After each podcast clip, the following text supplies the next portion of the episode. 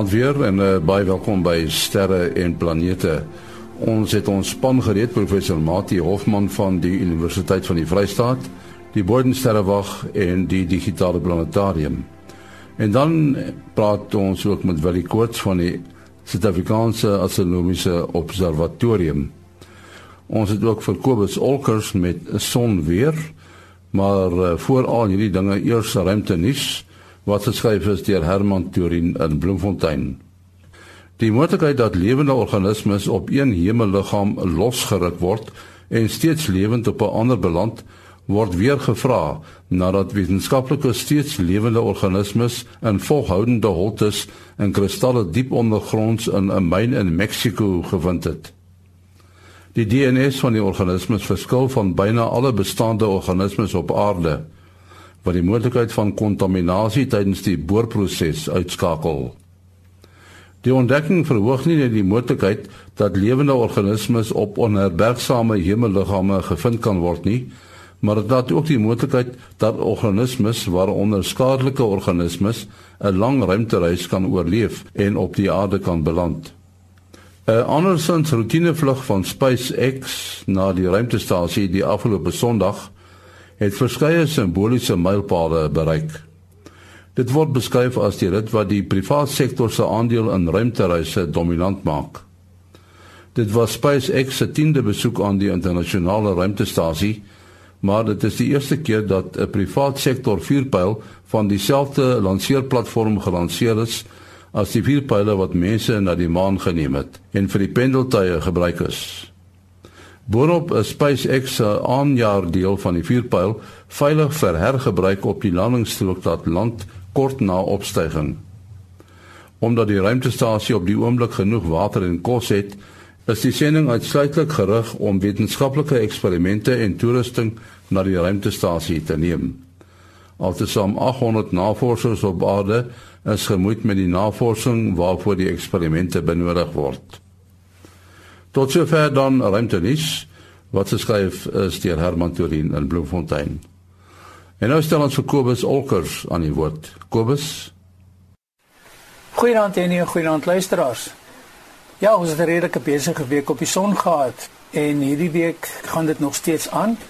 Ons het 'n baie goed gedefinieerde koronagat wat in 'n geo-effektiewe posisie op die son is en dit beteken nou maar net dat hy op 'n plek is waar uh, wat ook al hy nou uitblaas van hom af vir ons hier op die aarde raak. Uh die goed is natuurlik besig om weg te roteer en ek skat hy sal ons nog net so 'n dag of twee se probleme gee en, en die probleme kan eintlik net waargeneem word deur ons mense wat langafstand kommunikasie uh, probeer doen en natuurlik die mense wat gelukkig genoeg is om in die polisse omgewing te wees dat hulle die auroras kan sien. Dan wat magnetiese areas aanbetref, het ons Die ouetjie van verlede week het toe nooit in 'n in 'n regte komplekse een verander nie. Hy sit nog steeds uh op die son. Hy gaan ook later hierdie week wegroteer sonder enige invloed, maar hy maak baie mooi magnetiese bo, plasma bo op die son as mense oor die as jy oor die ehm um, satellietfoto's aan kan kry. Daar's nog een wat nou sopas oor die rand van die son gekom het. Hy lyk redelik onstabiel as jy so vinnig na hom kyk, maar as mense hom analiseer, is dit 'n beta klas uh area en hy dit lyk nie asof hy gaan ontaard in 'n iets wat vir ons koronamassa uitbarstings gaan gee nie. Daar is nog eenetjie reg agter die rand van die son wat ek nie my baie mooi kan sien met die satelliete op hierdie stadium nie. Ons kyk maar wat gebeur, maar as ons hier teen donderdag, Vrydag dalk uh skielik probleme kry met radio en die soort van ding dan moet ons maar weet dit is dit kan dalk hy wees. En dan wat filamente aan betref is daar 'n korterige ene wat op hierdie stadium presies geo-effektief is. Ek dink hy gaan hy het nie genoeg energie om om uit te bars nie. Ek dink hy kan dalk platval. En dan is daar nog 'n vreeslike roese moes van hulle wat nou hier uh, besig is om om na die uh, uh, middellyn van die son te kom, maar hulle is so die mekaar. Ek dink hulle gaan mekaar opvreet en hulle gaan net platval. Kobus Olkers berig uh, elke Sondag daar uit Florida in Amerika wat die son se weer maak. Nou, het waarskynlik gehoor uh iewers in die week dat 'n uh, besondere ontdekking gedoen is dat 'n uh, uh, klompie planete uh opgespoor is wat om 'n uh, klein uh, sonnetjie, uh, klein sterretjie Ventral, die ster se naam is Trappist. Nou Trappist is eintlik 'n soort van 'n van 'n monnik, maar in elk geval uh, die die ster is 'n sogenaamde rooi dwerg. Uh, Mati, wat presies is 'n rooi dwerg? Uh ja, wel, dit is 'n uh, 'n ster baie kleiner as die son, uh wat dan nou ook in 'n wel baie kleiner is en 'n baie langer leeftyd, laer temperatuur. Ehm um, en in die geval ook al taamlik ver aangestap uh in sy leeftyd. Uh die koel klein ster soos uh Trappist 1 Uh wat interessant is is dat hulle baie langer leef as die groot warmsterre. Die groot warmsterre gaan baie vinnig deur hulle leefsiklus en hierdie uh koelrooi dwerge kan seker enigiets van 10 na meer as 100 maal langer uh brand as die uh groot reuse sterre. Maar nou goed, die belangrike ding is daar is uh ek dink sewe planete om die ster ontdek wat nogal belangrik is, nê. Nee? Ja, dis 'n ongelooflike ontdekking. As jy nou dink as ons nou 5 jaar terug gaan uh was dit nog maar 'n uh, hoop dat iewers in die toekoms gaan 'n planeet vergelykbaar in grootte met die aarde ontdek word. Uh, en hierso is sewe sulke planete om wat wentel om een ster ontdek. Uh, hulle grootte is wissel van omtrent 70% die deursnee van die aarde tot 110%, so van 'n bietjie kleiner tot 'n bietjie groter. En dan wat interessant is is dat ongeveer 3 van hierdie planete wentel in die sogenaamde bewoonbare sone waar vloeibare water kan bestaan. Met ander woorde die temperatuur op daai afstand vanaf daai soort ster maak vloeibare water moontlik. En dit beteken natuurlik hoegenaamd nie dat daar noodwendig vloeibare water is nie en selfs alles daar vloeibare water dat daar noodwendig lewe is nie. Dis bloot dit die kans daarvoor is dan meer baie meer waarskynlik as vir 'n uh, planeet wat nie in daardie sone val nie. Die interessante ding is nou en ek hoor die mense vra dit al, hoe weet mense van al die dinge? Uh, het hulle daarna gekyk? Uh ja, hierdie uh, planete word nie direk raak gesien nie, hulle word waargeneem. Hulle is ontdek met die transitmetode, dieselfde metode wat ons nou al op sterre en planete oor gepraat het wat deur die Kepler ruimteteleskoop gebruik word waar 'n planeet bloot gesien word omdat hy wanneer hy presies tussen uh die aarde en daardie planeet se ster in beweeg 'n klein bietjie lig van die ster uh verdof en as die helderheid van die ster gemeet word dan kan 'n mens dit as 'n dip in die ligkromme sien. Uh jy moet baie fyn meet om dit te sien. En as jy dit nou 'n paar keer waar, waargeneem het met 'n sekere periode dan kan jy aflei daar is 'n uh, 'n uh, planeet. As daar nou sewe planete is waarvan die effekte gelyktydig plaasvind, dan jy nou 'n bietjie wiskunde nodig om uit te werk uh wat is die periode van omwenteling van elk van hierdie planete? Nou wat nou hierdie stelsel totaal anders maak as ons eie sonnestelsel is eerstens uh dis heeltemal 'n ander tipe ster, baie kleiner, baie koeler en dan is die bane van daardie planete ook baie kleiner. Om die waarheid te sê, die verste van hulle is omtrent nog 6 maal nader as wat Mercurius aan ons son is en Mercurius is die naaste planeet. So as ons nou iets in ons sonnestelsel wil vind waarmee ons daai stelsel kan vergelyk, dan moet ons eerder eintlik aan Jupiter dink. Jupiter, die grootste planeet, omtrent 'n tiende die deursnee van die son. Dan het Jupiter mos 'n klomp maane en die vier Galileëanse maane uh wentel by naby aan Jupiter en die afstande van daardie planete rondom Trappist 1 is vergelykbaar met die afstand van Jupiter se maane vanaf Jupiter. So mens sou sê dis amper 'n soortgelyke stelsel behalwe dat daar nou 'n ster is en Jupiter 'n gasplaneet. Maar as Jupiter 'n bietjie groter was, bietjie meer massa gehad het, dan kon hy 'n ster gewees het. Uh om waar te sê die Trappist 1 ster is nie baie groter as Jupiter nie, maar hy het wel 'n heel wat groter massa, omtrent so 80 maal die massa van Jupiter, maar is nog steeds uh, baie kleiner in massa as as ons son. Nou ja, van uh, Trappist gaan ons 'n bietjie gesels oor uh, oor ruimte weer. Dit Kobus Olkers praat altyd oor son weer. Maar kom ons uh, gesels 'n bietjie oor ruimte weer. Mens moet miskien op jou end uh, vra wat is weer nou eintlik en uh, waarom ek dit sê is Ons praat van weer hier op die aarde. Dit is 'n weerstoestand, dis 'n atmosferiese verskynsel. Maar nou kry ons plekke wat nie atmosfeer het nie of baie min atmosfeer het. Ek dink tipies aan uh, aan die rooi planeet Mars. Maar daar kry jy uh, stofstorms en met ander woorde daar is weer al is dit minder weer.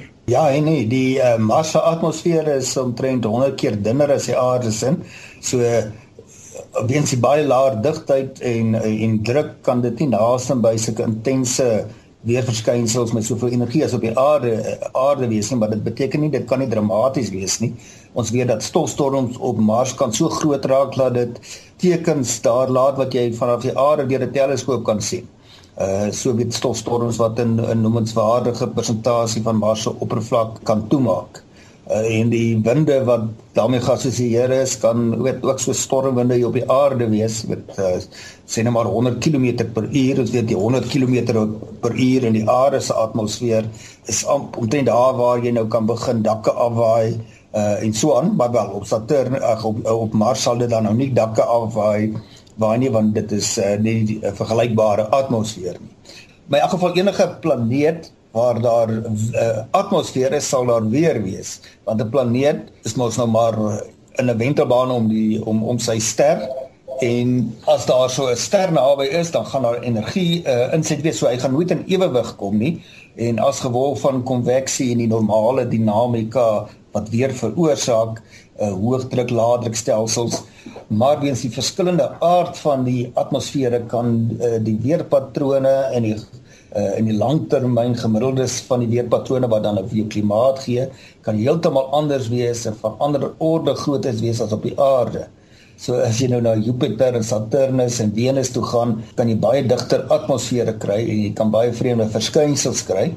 Nou ek het nou uh, die ouens hier op die aarde selfs die weerkundiges spook maar om die weer te verstaan. So ek gaan nie sleg voel as ek nie te veel daarvan verstaan nie. Dis bietjie ingewikkeld vir die fisika en fisika werk ons normaalweg met eenvoudiger stelsels en die weer is maar 'n baie chaotiese verskynsel, maar as tog orde daaronder in terme van die effek van uh van hoëdruk laadrukstelsels die uh, see strome see uh, die see se oppervlaktemperature so hulle daarom al baie insig bekom om ten minste op die medium termyn die die weer te kan modelleer en te verstaan wat die effek van verskynsels soos uh, El Niño en El Niño is. Maar kom ons gaan nou kyk net 'n bietjie na 'n paar ander uh, planete wat 'n digte atmosfeer het, Jupiter, Saturnus, Uranus, Neptunus, uh Venus. Nou, in die geval van die groot gasplanete hang die atmosferiese druk af van hoe naby jy aan die planeet kom. As jy dieper en dieper ingaan, dan word die druk baie baie hoër as op die aarde. En op Venus weens die kweekhuis effek wat hy beleef het, is daar ook 'n baie hoër atmosferiese druk so druk op die aarde. So op daai planete kry mens weerlig. Dit is nog nie by almal waargeneem nie, maar op Venus en Jupiter en Saturnus, Saturnus is al baie aktiewe weerlig verskynsels waargeneem.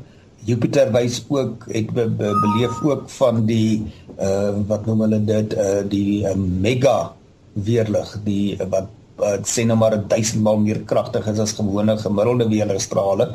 En dis een uit 'n miljoen weerlig straal op die aarde is van hierdie uh super weerlig. Dit was laas jaar so een in in Bloemfontein en dit het 'n hele boom totaal laat ontplof en 'n groot gat in die grond gelaat.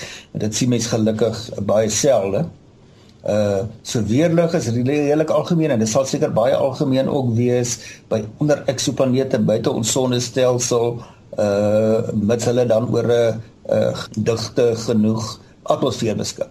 Wat nou ook 'n interessante vraag sal wees is maar wat van reën? Weet ons beleef nou gelukkig 'n groot dele van die land reën, weet waterreën. Ons weet as daar baie besoedeling in die lug is, dan kan mens bietjie suurreën kry, weet dan kan ander stowwe in die reën uh, oplos. So as jy nou uh, reën op Venus sou kry, ek ek is nie heeltemal seker of daar al so iets waargeneem is nie, maar dit gaan uh swaalsuur en sulke soort van bestanddele bevat uh op die die, die die groot gasplanete daar vermoed hulle dat dit dalk diamante kan reën. Het hulle dit uh, hulle berekeninge gedoen of modellering vir die atmosfeer van byvoorbeeld Jupiter uh en Saturnus. Hulle vermoed jy kan diamante kry dalk selfs 'n sentimeter in deursnee. So ek weet nie of dit dalk agter die uh beplande sendings in in daardie planete se atmosfere in is nie ons 'n bietjie vir Japie volgende keer vra of hulle dalk beplan om te gaan diamante haal wat jy kan nou voorstel as jy sentimeter diamante kan gaan haal daar maar ek kan my voorstel dat dit rampspoedig sal wees vir die diamantprys op die aarde as 'n mens nou as dit nou nie meer so skaars edelsteen sou wees nie ja maar ek wonder uh, sou hulle iets soos auroras ook hê uh, uh ja, daar's pragtige foto's gewees uh, uh wel reeds gepubliseer oor auroras op uh wel ek kan onthou van Jupiter spesifiek. Uh wil jy het jy al gesien vir Saturnus auroras wat hulle afgeneem het? Ja, ek ek verbeel my ek het ek het al op op Saturnus gesien, dis reg. So mooi sirkel rondom hulle pole, want dit is dieselfde yes. fisika van die uh magneetvelde uh uh laat die gelaaide deeltjies wat van die son afkom in spiraal na die poolgebiede toe want dit is waar die magneetvelde heen gaan en dan oorsaak dit die fluoresensie in die atmosfeer. So dieselfde fisika is daar net die die skaal die presiese getalle waarmee jy die verskynsels uh kan beskryf hoe hoog dit presies gaan plaasvind gaan verskil in elk geval daai ander planete het nie 'n goed gedefinieerde oppervlak nie. Dit word maar net die atmosfeer word maar net al digter en digter soos wat jy dieper gaan. 'n Baie mooi voorbeeld van 'n uh 'n taamlike uiterste weersomstandigheid is daai groot rooi kol op Jupiter, né? Ja, ja, ek ek, ek dink nie mense het regtig die aanvoeling op die aarde van die die tipe weer wat jy kan kry. Ek meen dit is so ekstreem. Ek meen ons kan nie vir ons 'n storm voorstel uh vergelykbaar met die grootte van die aarde of groter soos die, in die geval van 'n rooi kol nie en daardie storme is al 'n paar honderd jaar al aan die woed van die tyd wat Galileo dit kon waarneem en waarskynlik veel vroeër ons weet nie wanneer dit begin nie.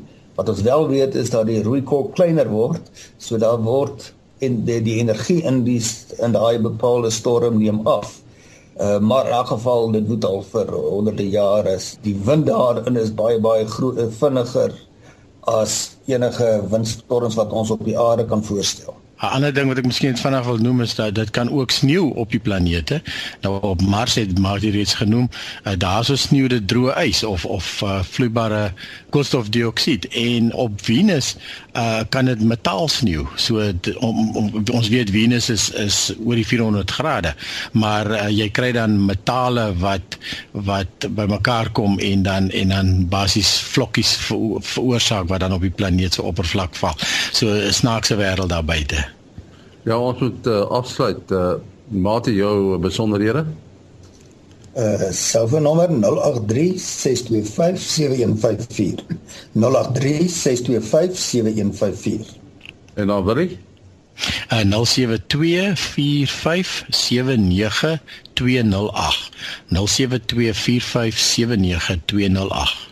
En uh, my e-posadres is maas.henny@gmail.com. maas.henny@ @gmail.com. Goed, volgende week is ons terug. Alles van die beste.